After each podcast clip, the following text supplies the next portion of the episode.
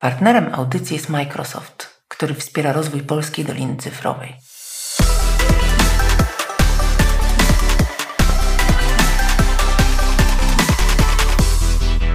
Dzień dobry, witam wszystkich bardzo serdecznie w kolejnym odcinku Digitox, ale tym razem rozpoczynamy taką serię Digitalk Extra, w których będziemy rozmawiali z ekspertami o różnych aspektach transformacji cyfrowej i mam wielką przyjemność rozpocząć ten cykl rozmową z Tomaszem Tyrkinem, moim dzisiejszym gościem, który jest dyrektorem Departamentu do Spraw Bezpieczeństwa i Kontroli w Departamencie IT Vergo Hestia.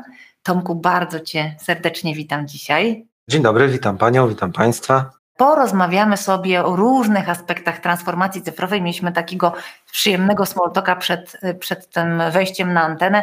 Mówiłeś, że to jest Twój konik. Ja lubię ludzi z pasją do tego, co robią, więc mam nadzieję na tą rozmowę i na bardzo ciekawe elementy, które z niej wyjdą. Zróbmy taki warm-up. Pierwsze moje pytanie jest takim pytaniem, które może nie jest bardzo IT, ale na pewno nurtuje wszystkie organizacje. Co z tym hybrydowym, zdalnym modelem pracy? Bo z jednej strony cieszymy się tak na koniec, że go mamy, bo on z perspektywy prywatnej skraca nam czas w pracy, nie mamy tych dojazdów, możemy w międzyczasie coś w domu ogarnąć. Dla wielu osób to jest super udogodnienie, możemy też czasem pracować z jakiegoś fajniejszego miejsca. Z drugiej strony mamy, myślę, wszyscy przeświadczenie o tym, że trochę nam to osłabiło relacje w pracy. Może zyskaliśmy relacje domowe, ale straciliśmy relacje pracowe trochę przestaliśmy mieć tego kontaktu nieformalnego, takich spotkań w przestrzeni biurowej przy kawce, że sobie z kimś zagadaliśmy. Powiedz, jak to u Was wyglądało w Ergohestia i czego pracownicy potrzebowali i jakie rozwiązania dostarczyliście? Jasne, to, to przyszło nagle, nie? I, I, myślę, że nie tylko w naszej organizacji, e, no bo to, to był ten okres pandemiczny, a nawet przed samą pandemią i to wyglądało tak u nas, że zaczęły do nas dobiegać te informacje o tym, że za chwilę lockdown, że coraz więcej tych przypadków zakażeń i no i to tak się stało z dnia na dzień, gdzie my byliśmy postawieni jakby w takim momencie, że za chwilę będziemy musieli wszyscy posiedzieć chwilę w domu. Mhm. I myśmy tutaj zadziałali jakby w pierwszej kolejności jakby w tej warstwie takiej bym powiedział sprzętowej. To znaczy tak, czy my w ogóle i nasi pracownicy to jesteśmy tak wyposażeni, że jak pójdziemy do tych domów, to my będziemy mieli e, ze sobą wszystko, co nam potrzeba, żeby pracować. E, I to no, uznaliśmy, że to jest pierwsza rzecz, na którą, którą trzeba zadbać. I ja pamiętam jak dziś, no, to była jakaś niedziela chyba, gdzie trzeba było e, posiedzieć w pracy i trzeba było tych wszystkich ludzi tutaj zaprosić, albo dać ich szansę, żeby przyszli do nas tym swoim sprzętem, pokazali, co oni tam tak naprawdę mają, czy tam jest wszystko poinstalowane, co pozwoli im się zdalnie podłączyć, czy ten sprzęt jest aktualny, czy, czy to mówiąc krótko w tej warstwie zadziała? I to no może było trochę śmieszne, że nam na świecie się mówiło, że tam jest, żeby unikać kontaktu, a my tutaj w sześć osób e, i to nieważne, czy to był pracownik, czy dyrektor, to po prostu e, bym powiedział taki, taki, taki e, zryw spowodował, że się uformowała taka ekipa i siedzi i przyjmuje setki osób z tak. takim tak. prywatnym sprzętem, to mało higieniczne było, ale, ale robiliśmy to i sprawdza, czy jest ok. E, w tym krótkim czasie myśmy też dokonali zakupów, no bo okazywało się, że no niektóre komputery to trzeba naprawdę odłożyć na półkę i urządzenia, bo nie dało się tego e, użyć. Dokładnie. Żeby się tak, że tak powiem, też wyposażyć w ten sprzęt i, i coś kupić, no to używaliśmy wszelkich dostępnych kontaktów. My tu jako firma ubezpieczeniowa też kooperujemy z, in, z, z, firmami, które sprzętem handlują. Dzięki temu, że jakieś tam relacje mamy, udało się sprzęt załatwić i, i, i ten pracownik wychodził jednak albo ze swoim wyposażeniem, albo z nowym i sprzętem. No i to była ta pierwsza warstwa, nie? żeby było urządzenie. Mhm. Potem jakby w kolejności przyszły narzędzia, to znaczy co my teraz zrobimy, żeby się komunikować, no bo Ładnie. Wideo rozmowy, czy takie, takie wideokonferencje, to było coś, co e, to się tak zdarzało u nas od czasu do czasu. Znaczy my tam jako spółka w grupie, no to wiadomo, między różnymi innymi spółkami, gdzieś tam za granicą, no to takie konferencje mieliśmy, ale mówię, od czasu do czasu, a tutaj permanentne spotkania na ekranie codziennie, no to trzeba mieć do tego zaplecze. A tutaj nie ukrywam, nam z pomocą przyszedł Microsoft. Muszę to wprost powiedzieć, bo to mhm. też nie dotyczyło tylko nas, ale on dał nam szybki dostęp do, do ich usług chmurowych. Mhm. tu bez zbędnej zwłoki. Ja pamiętam, że to była decyzja taka z chwili na chwilę. Bierzemy ten kod, instalujemy, robimy te nasze Active Directory w chmurze i włączamy ludziom, mówiąc krótko, te Teamsy, żeby, żeby to było. I, Dokładnie. I to było coś, co nas uratowało, no bo to się szybko pojawiło, zainstalowało i, i można było z tego skorzystać. I to poszło sprawnie. I no była taka trzecia warstwa, no mówię, sprzęt, narzędzia, ale jeszcze organizacja. Czyli teraz tak, to przecież są jakieś kurcze procedury, czy ten pracownik musi wiedzieć, kiedy on do tej pracy się loguje, kiedy się wylogowuje, a jak już chce przyjść, to jednak jest pandemia, no to tutaj mhm. są jakieś zasady. E, I no tutaj zadziałaliśmy, wydaje mi się, bardzo sprawnie, bo my gdzieś w takim okresie trzech miesięcy, to mieliśmy tam wszystko dopięte na ostatni guzik, można powiedzieć, że tak naprawdę to już nie była praca taka pandemiczna, tylko mogliśmy część ludzi zaprosić do budynków. Czyli mieliśmy już taki system, gdzie część jest w domu, część jest w pracy. I to była szybka transformacja. No, mówię o tych procedurach, ale to nie tylko procedury, ale też no, pewne instytucje, pewna osoba, która odpowiada wprost za takich y, pracowników, których dotknęła choroba i, i, i tam trzeba zadziałać, trzeba im pomóc e, dostarczyć coś do domu, mm, czy nawet lekarstwa. Przyznam szczerze, nawet obiady wchodziły w grę, więc jakby tutaj było, było naprawdę fajnie i ciekawie. Mm. Piękna energia się pojawiła, co Piękna między energia, to prawda. I y, tu poszło sprawnie i my z tym zostaliśmy. Zostaliśmy do dziś, ale to chyba nie jest koniec, bo my mamy teraz taki etap bym powiedział, postpandemiczny, nie? gdzie trzeba te skutki, które wywołały ta praca zdalna, jakoś umieć łagodzić. I tutaj mhm. w tej mhm. warstwie bym powiedział i fizycznej, i psychicznej. My też prowadzimy bardzo dużo takich różnych aktywności, gdzie tego pracownika wspomagamy, nie? czyli tam, mówię jakieś wspólne zajęcia nawet, które gdzieś tu w okolicy sportowe uprawiamy, czy mhm. spotkanie z psychologiem, webinary różnego rodzaju o takim work-life balansie. To, to wszystko realizujemy teraz, czyli mm, no, to był ciekawy czas, ciekawy moment, który totalnie zmienił naszą rzeczywistość. No i, i generalnie też widać, że jakby wywołał pewną determinację, żeby szybko działać, sprawnie działać. No i to się nam udało.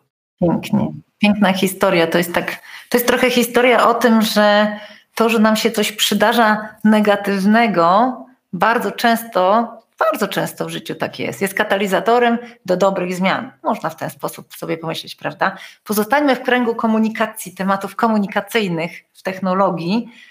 Wiem, że macie wewnętrzny portal społecznościowy, którym, na którym pracujecie. To też jest, wydaje mi się, bardzo ciekawa informacja dla różnych naszych słuchaczy, którzy z tymi tematami radzą sobie w firmach, bo wiemy o tym dobrze, że sobie raz lepiej radzimy z takimi wewnętrznymi e, społecznościami, E, wspomaganymi technologią raz lepiej, raz gorzej. Są organizacje, w których to kompletnie nie działa i nikt z tego nie korzysta, ale teoretycznie jest, zrobiliśmy. Są organizacje, które próbują zachęcać. Powiedz mi trochę właśnie, jakie macie plany na rozwój tego portalu, który, portalu społecznościowego, który macie w organizacji i powiedz mi, jakie w ogóle lekcje, bo to jest najcenniejsze, tak? Jakie lekcje wynieśliście z tego projektu, jakie wnioski e, i czym się możesz podzielić y, z naszymi słuchaczami też najważniejsze, co wasi pracownicy w ogóle uważają, co myślą, co mówią o tym rozwiązaniu. Także takie złożone pytanie do ciebie teraz. Tom. Jasne, jasne. To y, może jeżeli chodzi o ten portal, to, to też jest trochę efekt pandemii. Mhm. Bo no, to było też takie miejsce, żeby po pierwsze w jednym miejscu ten cały przekaz korporacyjny skierować, i to skutecznie. To mhm. powoduje, że no, mając taki portal, nie, nie, ukrywajmy, to jest e, też rozwiązanie Microsoftu, to są, to są Power Appsy, trochę Azure Functions i, e, i, i, Teamsów. To jest takie fajne combo, gdzie finalnie kończy się to aplikacją na, na, na telefonie, gdzie gdzie pracownik widzi, nie wiem, walla, na którym wszystko, co firma chce mu zakomunikować, sprawnie pokazujemy. I to, jest, to była też taka decyzja, że my to udostępniamy wszystkim. To nie ma jakichś tak, że robimy jakieś ograniczenia. No mamy blisko tam 3000 czy 2700 pracowników i no każdy taki portal dostaje i każdy tą wiadomość może zobaczyć i każdy tą wiadomość może skomentować, prawda? Czyli to jest tak, to po pierwsze jest taki ruch, w którym my dajemy informacje, ale my też ją pozyskujemy. Mhm. I na tym portalu oprócz tych naszych korporacyjnych, bym powiedział, wieści, mamy też taką przestrzeń do mniej formalnych informacji od naszych pracowników, którzy chociażby w każdy czwartek dzielą się swoimi pasjami, czyli ktoś wow. gdzieś no, robi coś ciekawego i, i chciałby się tym pochwalić, to tą przestrzeń dostaje w ramach tego portalu społecznościowego i no, tam ekipa dzielnie podkręca w ogóle tam oglądalność, czyli są nie wiem, nagrody za mm, największą ilość komentarzy na przykład, albo... No. A co ludzie robią ciekawego? Jakie macie hobby? Bo to jest bardzo interesujące, bo to się okazuje, że macie super interesujących ludzi w organizacji, co? Mamy super interesujących. Tak, no ja przytoczę jeden przykład. No, ja nie wiedziałem, e, że mój kolega bardzo chciał występować w teleturniejach takich telewizyjnych. No I, ja jakby się dowiedziałem o tym z portalu społecznościowego, że, że nawet wystąpił i, i potem z ciekawością jeszcze obejrzałem tam re, retransmisję ty, tych programów. No, biegania i inne takie też rzeczy, no oczywiście ludzie upubliczniają, więc aktywności sportowe, no myśli, no to mhm mm, to jest takie właśnie, mówię, miejsce, gdzie też możemy się pochwalić, możemy coś pokazać i pojawiła się ta komunikacja i my ją zawiązujemy mocno z pracownikiem poprzez ten portal. Mhm. W tym pytaniu jeszcze była, mm, e, zadasz pytanie o to, co dalej. Mhm. Tak, to bardzo ciekawe, co dalej planujecie? Tak, tak. Wydaje nam się, że jakby to, to, to trzeba rozbudowywać, bo mm, w takim kierunku, żeby pomyśleć o tym, żeby to narzędzie pomagało nam w procesie onboardingu, bo my tak, taki proces mamy e, i też tutaj ekipa myśli, jak to e, zaszyć to, to w tym portalu i mocno krążymy wokół tematu rozwoju kompetencji i szkoleń. I tutaj widzimy ogromny potencjał. No, od prostych rzeczy, takich jak, nie wiem, jakiś katalog, zapisy, mm, po ewidencję, E, po też e, jakieś, rozumiem, materiały, które były, byłyby wręcz elementami szkoleń. To jest coś, co na pewno będziemy teraz w krótkim czasie na tym portalu rozwijać. No właśnie, dotknąłeś tematu kompetencji przyszłości i to jest moje kolejne pytanie do Ciebie. Jak myślisz, jak w ogóle w Waszej organizacji ważne są te kompetencje? Ja mam, e, prowadzę swój podcast Dużo ludzi się ze mną komunikuje po tym podcaście, a dużo też komunikuje się ze mną przez media społecznościowe, zaskakująco dużo przez Instagram, czyli całą masę takich pytań o potrzebę kompetencji cyfrowych, jakie, czy firmy tutaj e, będą wspierać, czy sami mamy to robić. Takie pytanie, jak wy to robicie w ErgoHestii, czy, czy te kompetencje są dla was ważne? Jeśli tak, to jakie są dla was ważne? Czy inwestujecie w obecnych pracowników? Jak to robicie z pracownikami przyszłymi? i czy w ogóle ludzie się u Was mogą rozwijać w takim obszarze, w kompetencjach cyfrowych? No bo wiadomo, że ludzie się też stresują tym, że świat się bardzo rozwija i chcą być przez organizację zaopiekowani, prawda? Jasne, to ja tutaj zawężę to odpowiedź do tego obszaru, w którym działamy, czyli do IT, I, bo to, że firma w innych obszarach się rozwija, to, to też mogę absolutnie potwierdzić, tylko te, mhm. tymi szczegółami dysponuję w, tym, w, te, w, tej mojej dziedzinie i tak, to jest coś, o co e, w ostatnim czasie bardzo dbamy.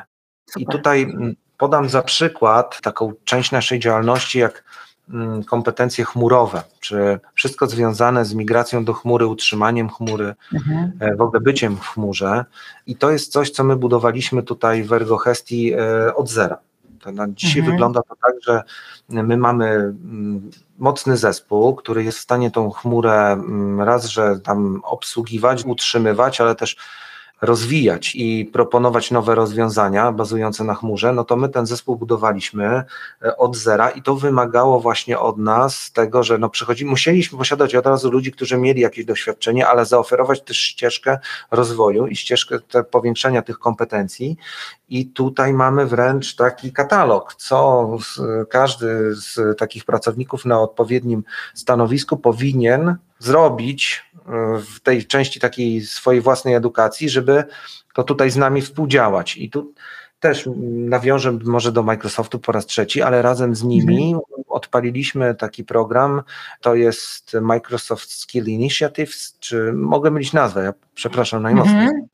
Jest to taka aktywność, w której wspólnie z nimi mieliśmy mm, całą serię e, różnych szkoleń, szkoleń takich online'owych, offline'owych, zakończonych e, certyfikatami, takimi, no. które to może jest nie jest dobre z perspektywy pracodawcy, ale atrakcyjne z, z punktu widzenia pracownika, certyfikatami, które zostają z pracownikiem. No, tak. no bo to, jest, to są umiejętności i potwierdzenia tych umiejętności, z którymi zostaje ten człowiek i on dostaje certyfikat. I, i takie programy uruchamiamy. To jest dla nas bardzo ważne i też jesteśmy otwarci na propozycje samych y, y, chętnych, którzy przychodzą z jakimiś pomysłami na, na swój własny rozwój. Nie? I tutaj, mhm. tutaj firma absolutnie daje możliwość też rozwoju nieszablonowego. Nie musi wprost wpisywać się w naszą ścieżkę. E, mhm. Ważne, żeby tematycznie gdzieś tam jednak zahaczało o to, co, co tutaj robimy. Więc do tego przykładamy dużą wagę.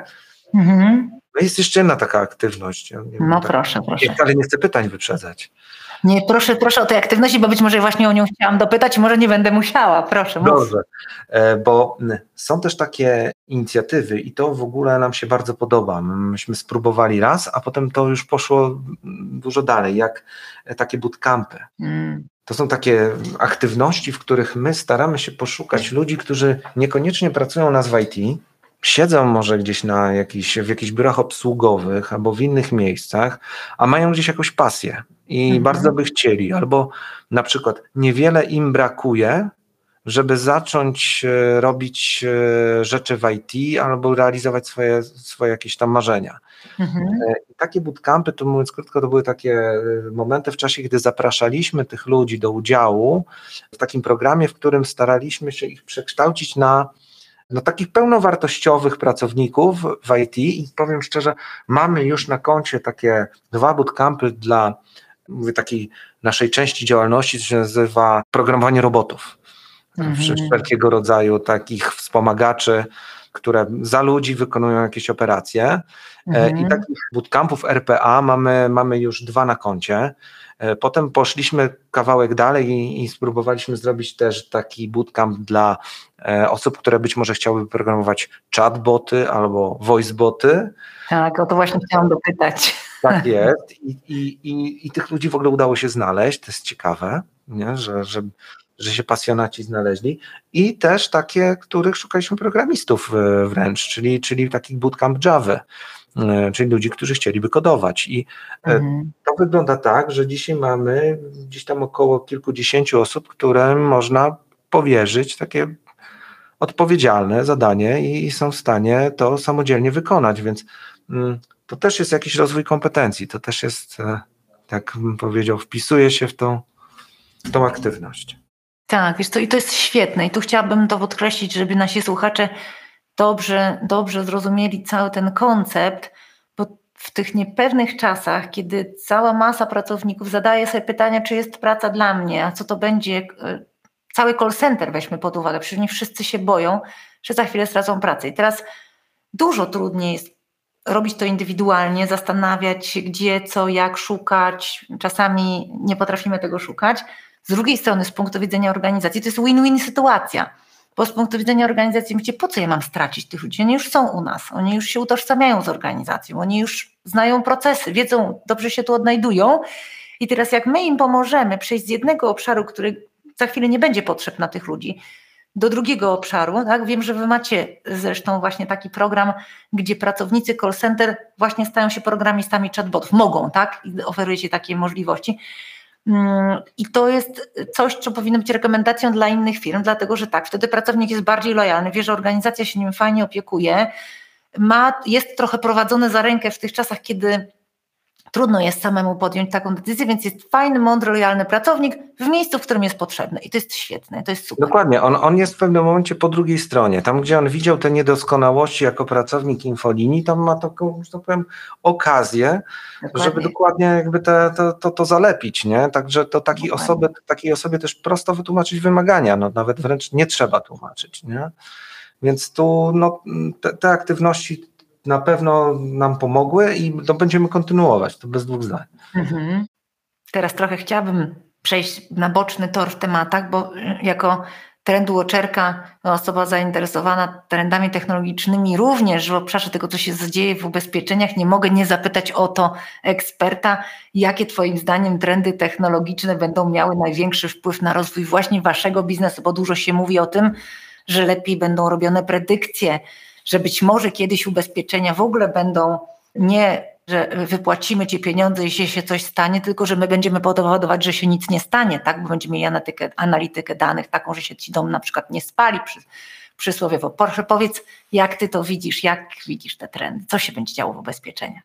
Powiem najpierw o tych takich e, trendach samych ubezpieczeń, bo wydaje to mi się, ale jestem przekonany, że tak będzie, że jednak te ubezpieczenia idą właśnie w kierunku e, być może nie pokrywania szkody, ale jednak minimalizacji tej szkody, albo wręcz zapobiegania.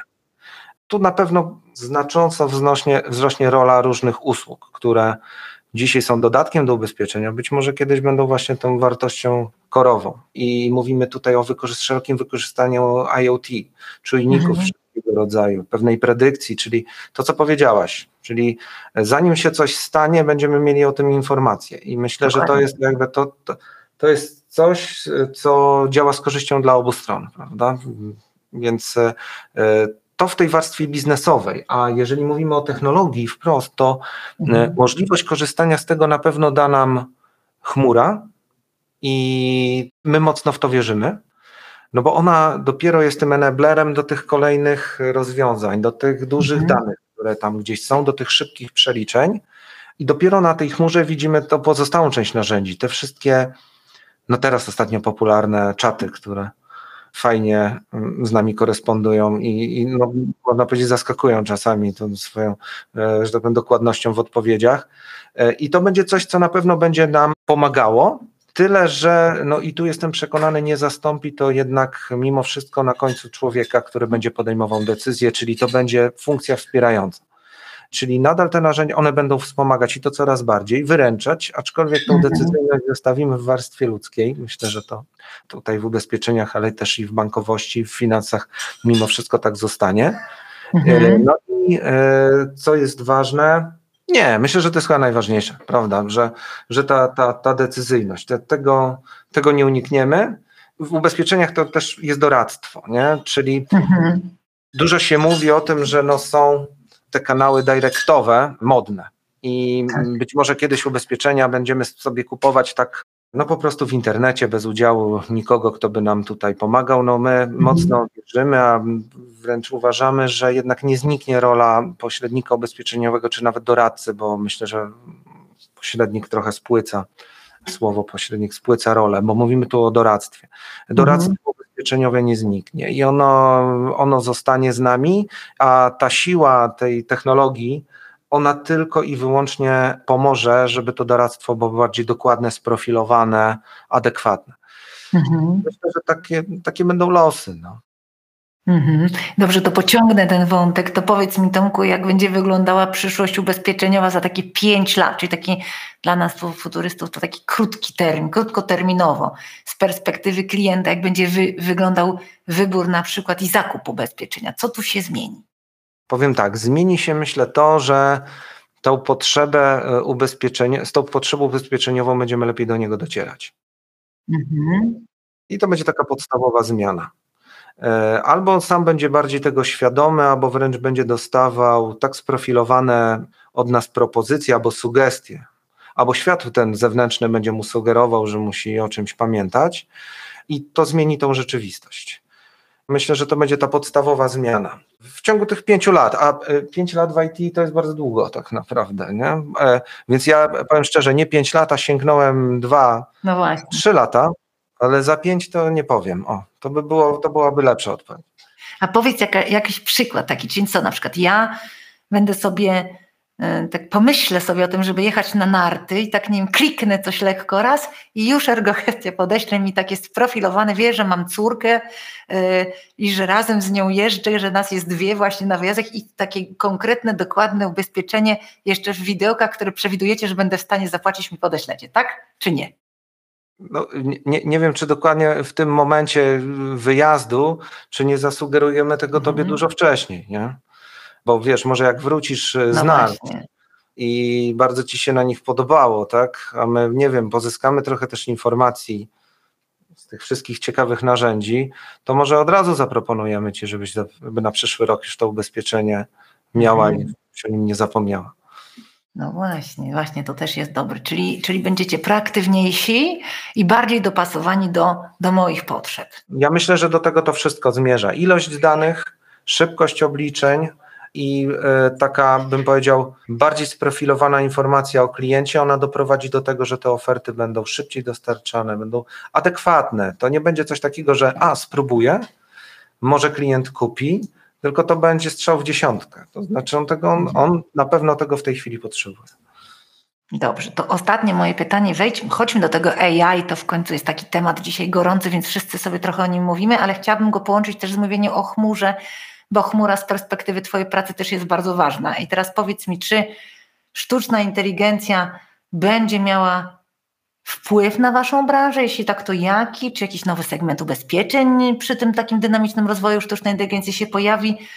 I jaką rolę, czy rosnącą, widzisz tutaj dla chmury? To takie moje ostatnie pytanie. Jeżeli mowa o chmurze, to tak. E, widzimy tutaj ogromny potencjał.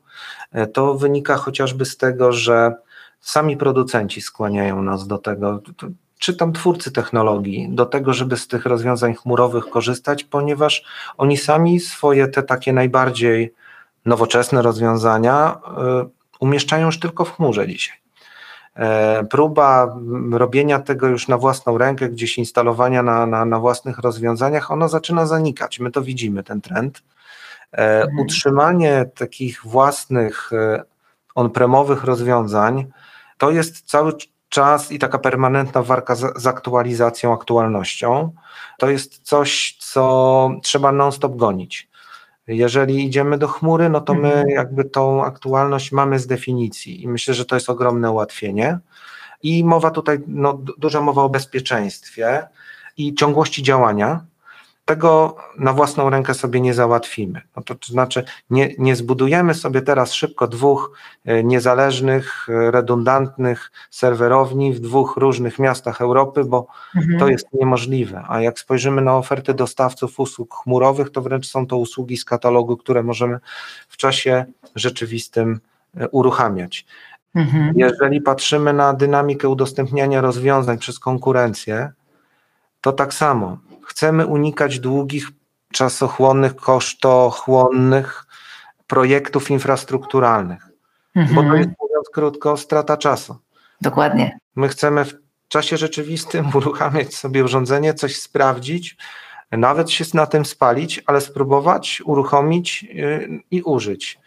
E, I no, wydaje mi się, że to jest ten kierunek, w którym powinniśmy zmierzać. Jest jeszcze jeden aspekt, taki, ja powiedziałem, ciągłości działania. E, nam ogromnie przeszkadzają przerwy wszelkiego rodzaju. No właśnie. W dostępności. A musimy je robić, no bo jeżeli coś modernizujemy, albo nawet dbamy o tą higienę, o tą aktualność, to raz na jakiś czas trzeba się wyłączyć i trzeba jakieś zabiegi wykonać. No w chmurze mamy o tyle wygodniej, że jednak możemy zostawić dla klienta, nie wiem, cały czas to rozwiązanie dostępne. Nie musimy tam nic gasić. I, i o to walczymy. E, a jeżeli chodzi o mm, AI i sztuczną inteligencję, ja nie wiem, ja przeczytałem ostatnio, nawet wczoraj jakiś artykuł, że tam już jest nawet w kolejce czat w wersji GPT-5 i on będzie miał jakiś tam potężny silnik obliczeniowy, czy nawet on będzie niezależnym silnikiem, ale będą ze sobą fajnie rozmawiać. Ja myślę, że to jest ogromny potencjał do mm, przeliczeń wszelkiego rodzaju i naszych predykcji, które staramy się dzisiaj mhm. wykonywać.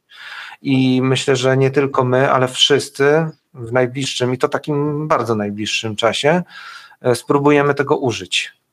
I teraz, e, czy to wytrzyma nasze pomysły i czy to przyniesie skutek? Ja wierzę, że tak, nie? Ale teraz ten najbliższy czas pokaże. I tak. ja myślę, że mówimy o miesiącach, a nie mówimy tutaj o latach, nie? Bo... Otóż to. Zobacz, jak to szybko idzie, co? No, jak to szybko idzie, to jest dobre.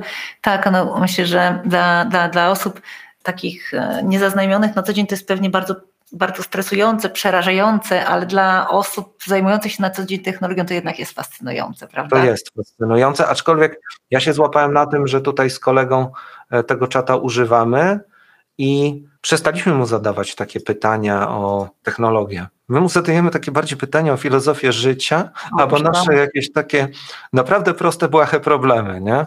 I Podaj się... jakiś przykład ciekawy. No, ostatnio rozmawialiśmy o możliwości odstąpienia od e, zakupu samochodu, na przykład umowy, kupna samochodu. Dostaliśmy odpowiedź, ale to, to może nie jest błahy przykład. Zadaliśmy pytanie o sens życia. To było ciekawe.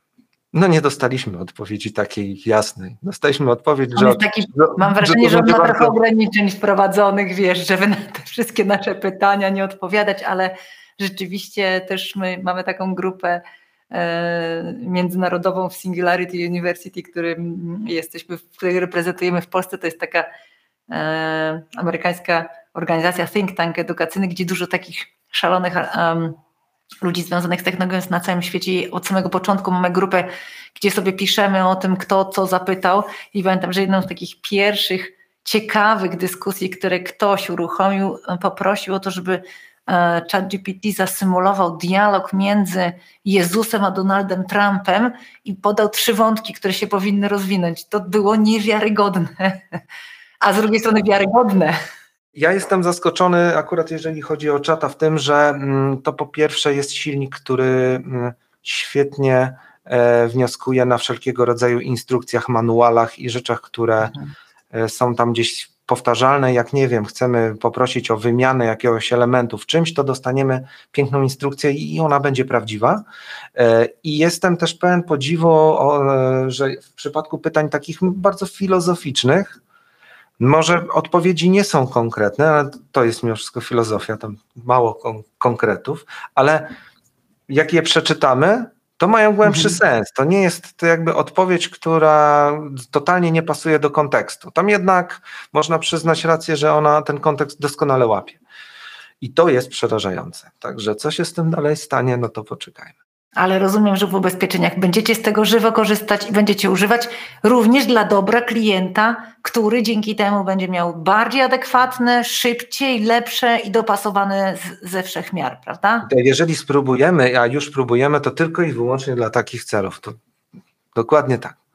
Super. Tomku, bardzo Ci dziękuję za tą rozmowę. Dla mnie była super ciekawa. Myślę, że ogrom wskazówek. E, dla mnie dzisiaj jest bardzo ważna taka wymiana między organizacjami tych wszystkich tipów i hintów, które sobie w środku zastosowaliśmy, może ktoś inny nie będzie musiał gdzieś tam tych potyczek sobie zrobić, bo po prostu zastosuje wasze rozwiązanie. Bardzo Ci dziękuję. Dziękuję również. Bardzo miło, fajnie. Też cieszę się, że mogłem uczestniczyć. Super.